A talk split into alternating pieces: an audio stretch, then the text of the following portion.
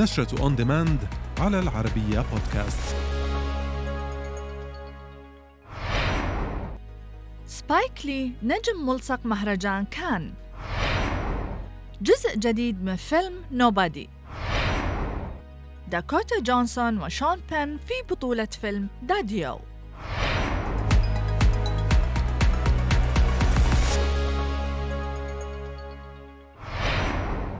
أعلن منظمو مهرجان كان السينمائي عن الملصق الرسمي للدورة الرابعة والسبعين هذا العام والمقام من السادس إلى السابع عشر من يوليو المقبل. وتصدرت صورة المخرج الأمريكي سبايك لي رئيس لجنة تحكيم مهرجان كان السينمائي هذا العام على الملصق الخاص بالحدث.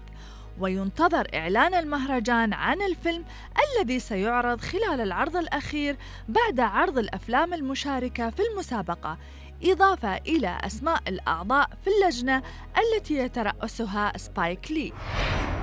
بعد نجاح الجزء الأول من فيلم نوبدي وتحقيقه إيرادات كبيرة فاقت التوقعات كشفت تقارير عدة عن أن القائمين على الفيلم قد قرروا البدء في كتابة سيناريو للجزء الثاني منه.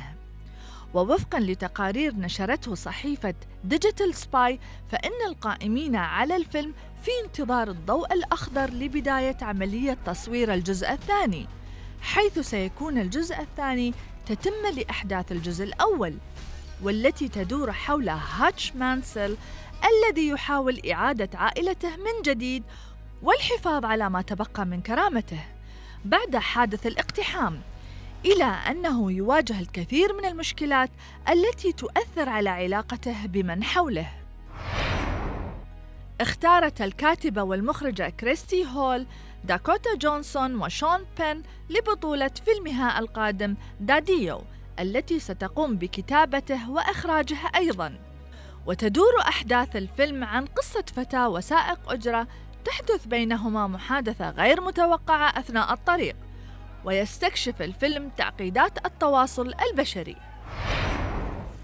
ينتظر عشاق سلسلة Matrix طرح جزء جديد ومن المتوقع أن يحمل الجزء الرابع من السلسلة عنوان Matrix Resurrections ووفقا لموقع ShortList الأمريكي نقل عدد من الصحفيين والنقاد السينمائيين عن ديفيد مانينغ وهو أول من سرب عنوان Matrix 4 أن الفيلم سيحمل اسم Matrix Resurrections وهو ما ثبتت صحته لاحقا.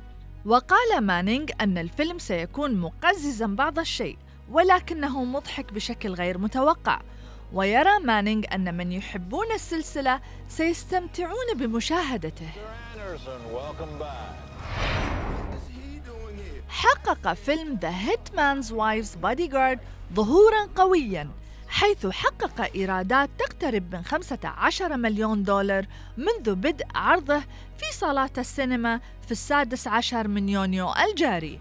وتدور أحداث الفيلم عن عودة الحارس الشخصي مايكل بريس والقاتل داريوس كينكيد في مهمة أخرى تهدد حياتهما وفي هذه المرة تنضم إليهما زوجة كينكيد سونيا كما يشارك في البطولة النجمان أنطونيو بانديراس ومورغان فريمان